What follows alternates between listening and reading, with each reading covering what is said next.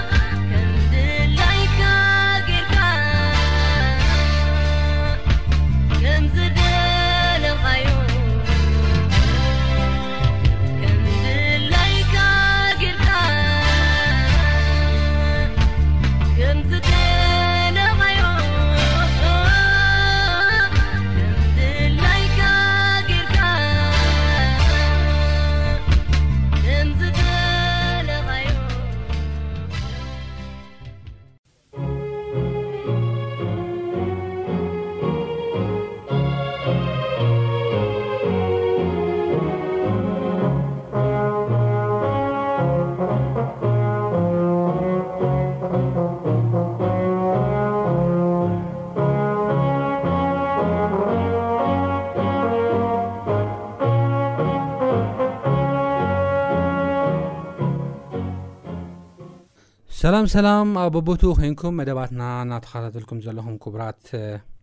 ሰማዕትና እዚ ጸጋ ብዝብል ኣርስቲ ናረኣናዮ ዘለና ሓሳብ እዩ ማለት እዩ እግዚኣብሄር ኣብ ማእኸልና ተረኺቡ ምእንቲ ከምህረናን ክመርሓናን ሕፅር ዝበለ ጸሎት ንጸሊ እግዚኣብሄር ኣምላኽና ስለዚ ግዜን ሰዓትን ነመስግነካ ሕጂ ድማ ቃልካ ከፊትና ኣለና እሞ ቃልካ ክተምህረና ቃልካ ሰሚዕና እውን ከም ፍቓድካ ክንነብር እስኻ ርዳእና ብጎይታና መድሓና ንስ ክርስቶስ ስም ኣሜን ሎሚ ድማ ንሪኦ ጸጋ ጎይታ ብኣና ክኸብር ይገብሮ እዩ ዝብል ሓሳብ ኢና ንርኢ ማለት እዩ ጸጋ ጎይታ ብኣና ክኸብር ይገብሮ እዩ እዚ እንታይ ማለት እዩ ክንብል ከለና ኣብ ዝሓለፈ ናይ ቃል ግዜና ከም ዝረኣናዮ እቲ እነገልግሎ ኣገልግሎት እቲ እንምስክሮ ምስክርነት ብህይወትና እንተ ዘይመስኪርና ብቓል ጥራሕ እንተ ኮይኑ ዋጋ የብሉን እዩ ዋጋ የብሉን ዋጋ ክህልዎ እውን ኣይክእልን ሕጂ ከዓ እንታይ ኸ እቲ ዕላምኡ እዩ ሽምና ንኸነፅውዕ ዲና ነገልግል ወይስ ሽም ጎይታ ክፅዋዕ ሽም ጎይታ ክኸብር ኢና ንፅውዕ እዚ ዓብዪ ዓብ ክስመረሉ ዝግብኦ ሓሳብ እዩ ምክንያቱ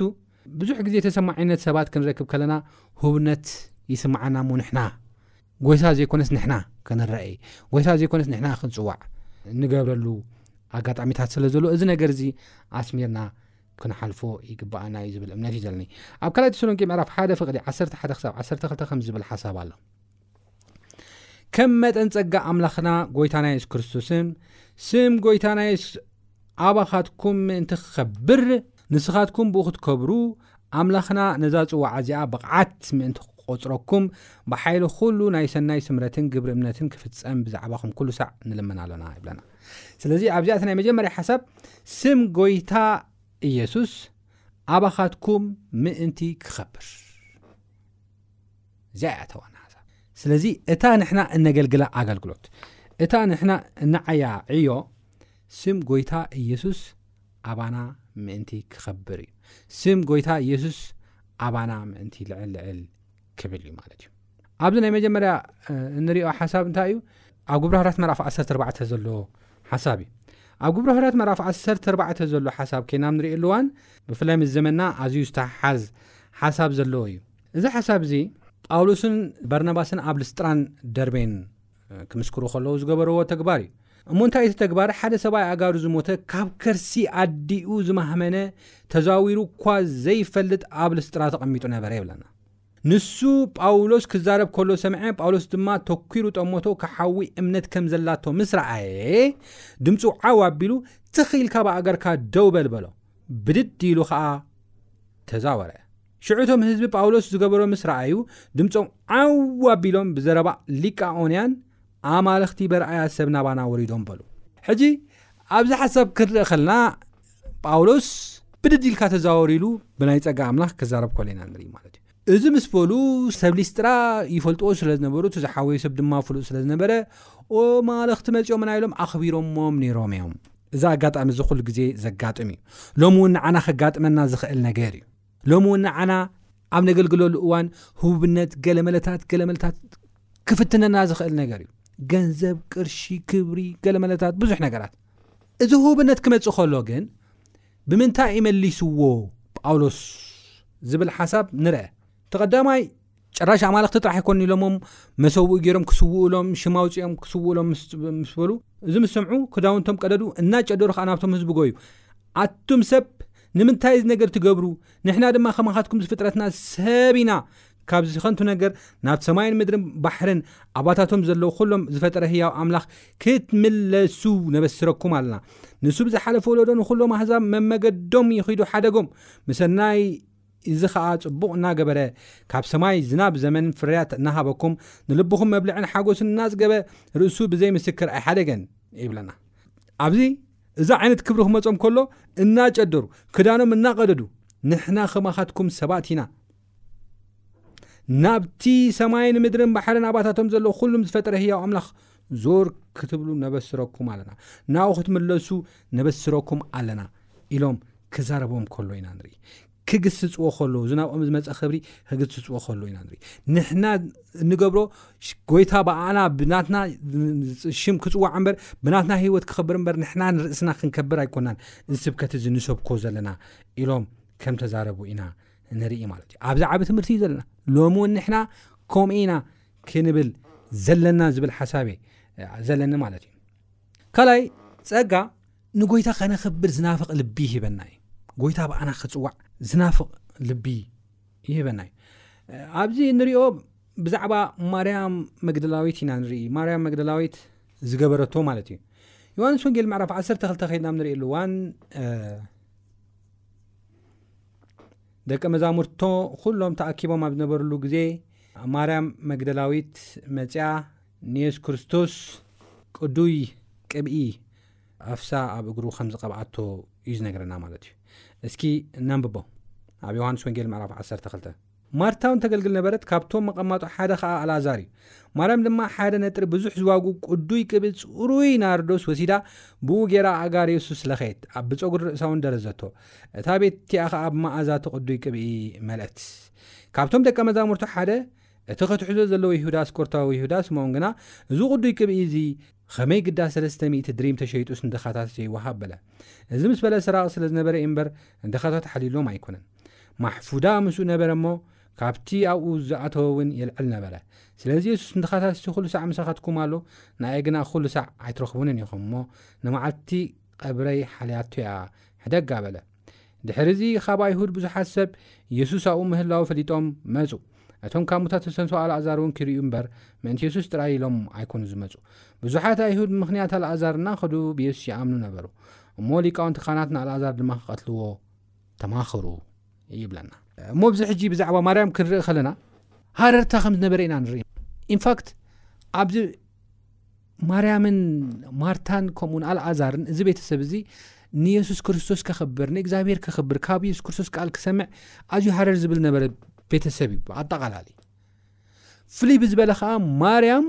የሱስ ክርስቶስ ክመፅእ ከሎ ስራሕ ገዲፋ ኩሉ ግዜ ኣብ እታ ትሕቲኡ ኮይና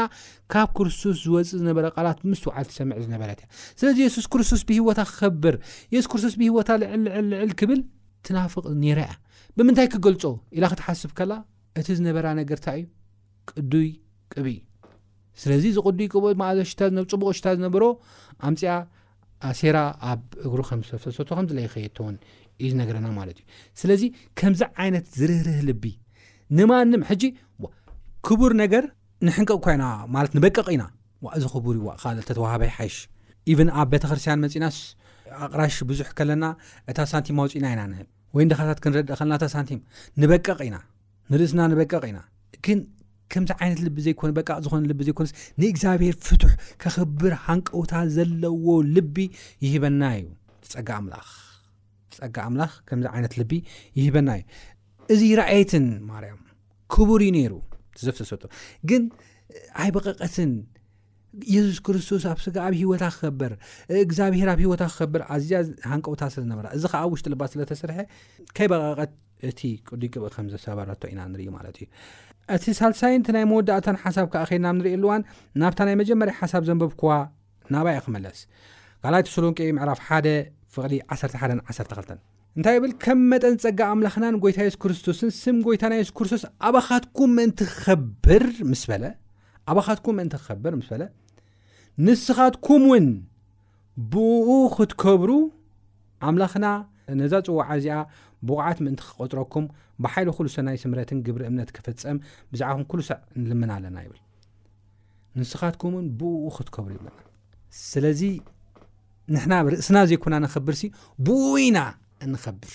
ብእግዚኣብሄር ኢና ነኽብረና ንሱ እዩ እቲ ዘኽብረና ንሱ እዩ ሽምና ከፀውዕ ዝኽእል ኣብ መፅሓፍ ቅዱስ ካብ ዘፍጥረት ጀሚርኩም ክሳብ ራእይ ሰብ ብባዕሉ ሽሙ ንኽጽውዕ ዝሰርሖ ስራሕቲ ኩሉ ንእግዚኣብሄር ዘሕዝንን ንእግዚኣብሄር ዝጎድእን ወይ ድማ ኣብ ሓጢኣት ክኣቱን ክዝፈቑን ከሎ ኢና ንርኢ። ነገር ግን ናይ እግዚኣብሄር ተስፋ ተጸብዮም ስሞም ዓብዪ ንኽገብሮ ተጸብዮም ጸኒዖም ዝተጸበዩ ግን እግዚኣብሄር ሽሞም ዓቢ ክገብረሎም ከሎ ኢና ንርኢ። ንዘለኣለም ማለት እዩ። ማንም ካብቲ ዓብይነት ስም ከውርዶ ዘይክእል ኣተዓባብያ ኣብ ላዕሊ ከቐምጦም ከሎ ኢና ንርኢ ማለት እዩ። ንኣብነት ንሰብ ሰናኦር ሽምና ነጽውዕ ኢሎም እዮም እቲ ናይ ባቢሎን ህንፃ ሰሪሖሞ ባቢሎን ኣብ ራእይ ኸድና ንሪእሉ እዋን ሽምና ከተፀውዕ ዓባይ ንክትከውን ኣምላኽ ክትበሃል እዩ ኤዛቤል እውን ኮም እያ ተግባራታ ብገዛእ ርስና ንኸዶ ነገር ግን ንገዛእ ርስና ኣይነኽብርና እንዶም ንገዛእ ርስና ንዋርድ ውርደት እዩ ኮይኑ ኣብ ባቢሎን ኣብቲ ናይ ሰናኦር ህንፃ ዝሰርሕዎ ቋንቆም ይተሓዋዊሱ ውርደት እዩ ኮይኑ ንውርደት እዩ ኮይኑዎ ባቢሎን እውን ውድቀት ይኾኑ ኤልዛቤል እውን ኣብ ግዜ ኤልሳእ ንውርደትን ንሕፍረትን እዩ ኮይኑዋ ብገዛ ርእሳ ርእሳ ከተኸብር ብምፍታና መፅሓፍ ቅዱስ እንታይ እዩ ዝብለና እቶም ንኡ ዘኽብሩ ስም ኢየሱስ ክርስቶስ ስም እግዚኣብሄር ብሂወቶም ከኽብሩ ዝደልዩ ሰባት ባዕሉ ዩ ስሞም ልዕል ዘብሎን ብኡ እውን ዝኸብርቶም ክርስትያናት ማለት እዩ ንኣብነት ኣብ መፅሓፍ ቅዱስ ሓደ ስሙይ ዝኾነ ሰብ ኣሉ ንሱ ድማ ዮሃንስ መጥመቕ እዩ መጥመቕ ዮሃንስ ብጣዕሚ ዝገርም ሰብ እዩ ከምኡ ዓይነት ሰብ የለን ኢሉ የሱስ ክርስቶስ ዝመስከረሉ እዩ ትሑት ሰብ እዩ ነይሩ እዚ ሓሳብ እዚ ብኸመይ ኢና ክንሪኦ ንኽእል ንዝብል ሓሳብ ኣብ ዮሃንስ ወንጌል ምዕራፍ ሰለስተ ኣብ ንሪእሉዋን ብዙሓት ብዛዕባ የሱስ ክርስቶስ እናመስከረ ኣብ ዝነበረሉ ግዜ ይኽተልዎ ነይሮም እዮም ይስዕብዎ ነይሮም እዮም ድሓር ግን የሱ ክርስቶስ ምስ መፀ ከም መንገዲ ፀራጊ የሱ ክርስቶስ መፅ እዩ እንሆ ንሱ እዩ ሓጢኣት ዓለም ዘርሐቅ ገንሸል ኣምላኽ ኢሉ ኣብ ዮሃንስ ወንጌል ምዕራፍ ሓደ ፍቅዲ 29 ምስ ተዛረበ ብዙሓት ናይ ዮሃንስ መጥመቕ ተኸተልቲ ካብኡ ርሒቖም እዮም ርሒቖም እዮም ኢቭን ይሓትዎ ነይሮም እዮም፣ እዋ፣ እስኻ እቲ ዝመስከርካሉ እኮ ይፍውስ ኣሎ፣ ንስኻ እቲ የሱስ ዝበልካዮ እኮ እንታይ ሽሙ ይገብር ኣሎ ኢሎም ይጭቕጭቕዎ ከም ዝነበሩ ኢና ንርኢ እቶም ደቀ መዛሙርቲ ዮሃንስ ማለት እዩ ግን እንታይ ብሎም ነይሩ ዮሃንስ ዮሃንስ ከዓ መሊሱ በለ ሰብ ካብ ሰማይ እንተዘይተዋህቦስ ሓንቲ እኳ ክወስድ ኣይከኣልን እዩ ኣነ ቀቅድሚኡ ተለኣኽኩ እምበር ክርስቶስ ኣይኮንኩን ከም ዝበልኩ ንስኻትኩም ባዕላኻትኩም ምስክር ኢኹም ኢሉ እቲ መርዓት ዘላቶ ንሱ መርዓዊ እዩ እቲ ደው ኢሉ ንዕኡ ዝሰምዖ ዓርኪ መርዓዊ እዩ። ንሱ ግና ብድምጺ እቲ መርዓዊ ይሕጎስ፣ ዳጊም እዚ ሓጎሰይ ተፈጸመ ኢሉ ብዛዕባ የሱስ ክርስቶስ ክዛረብ ከሎ ኢና ንርኢ። ጠቕላላ ድማ ኣብ ዮሃንስ ወንጌል ምዕረፍ ሰለስተ ፍቕዲ ሰላሳ ከና ክንርኢ ከለና እንታይ ይብል? ንሱ ክዓቢ ኣነ ግና ክንእስ ይግባእ እዩ ሕጂ እቲ ሚሽን ናተይ እቲ ተልእኾ ናተይ ስለ ዝወዳእኹ የሱስ ክርስቶስ ከዓ ስለ ዝፈፀ ሕጂ ክኸብር ከሎ ኣዝዩ እየ ዝሕጎስ ንሱ ክዓቢ ኣነ ከነእስ ይግብኣኒ ኢሉ እቲ ናይ ተልእኹኡ ጫፍ ክነግረና ከሎ ኢና ንርኢ በዚ መልክዕ እዚ እዚ ምባሉ ከዓ ብትሕትና ምምላሱ እቲ ተልእኹ ተዋህቡ ድማ ብኣግባቡ ምፍፃሙ ድማ ከም ዮሃንስ መጥመቕ የለን ካብ ኣንስቲ ካብ ዝተወልዱ ከም ዮሃንስ መጥመቕ ትሑት ኮነ ተልእኹ ዝፍፅም ኮነ ብጣዕሚ የለን ክብል ከሎ የሱስ ክርስቶስ ክምስክረሉ ከሎ ኢና ንርኢ እሞ እታ ጥቕሲ እውን ዓንተወይ ዘንበብናያ ብኡ እዮም እቶም ንክርስቶስ ዘኽብሩ ብህይወቶም ብኡ እዮም ዝኸብሩ ብክርስቶስ ብባዕሉ ብእግዚኣብሄር ባዕሉ እዮም ዝኸብሩ እምበር ብገዛእ ርእሶም ኣይኮኑ ዝኸብሩ ብገዛእ ርእስትና ሽምና ክነፅውዕ ከነኽብር እንፍትኖ ነገር ውድቀትን ተዕሽሙን እዩ ማለት እዩ ስለዚ እቲ ዋና ዓላማ ንሕና ከነገልግል ከለና ቃል ኣምላኽ ክንምስክር ከለና እቲ ዋና ዓላማና ሽም ኢየሱስ ክርስቶስ ኣባናን ኣብ ህይወትናን ክኸብርን ክኸብርን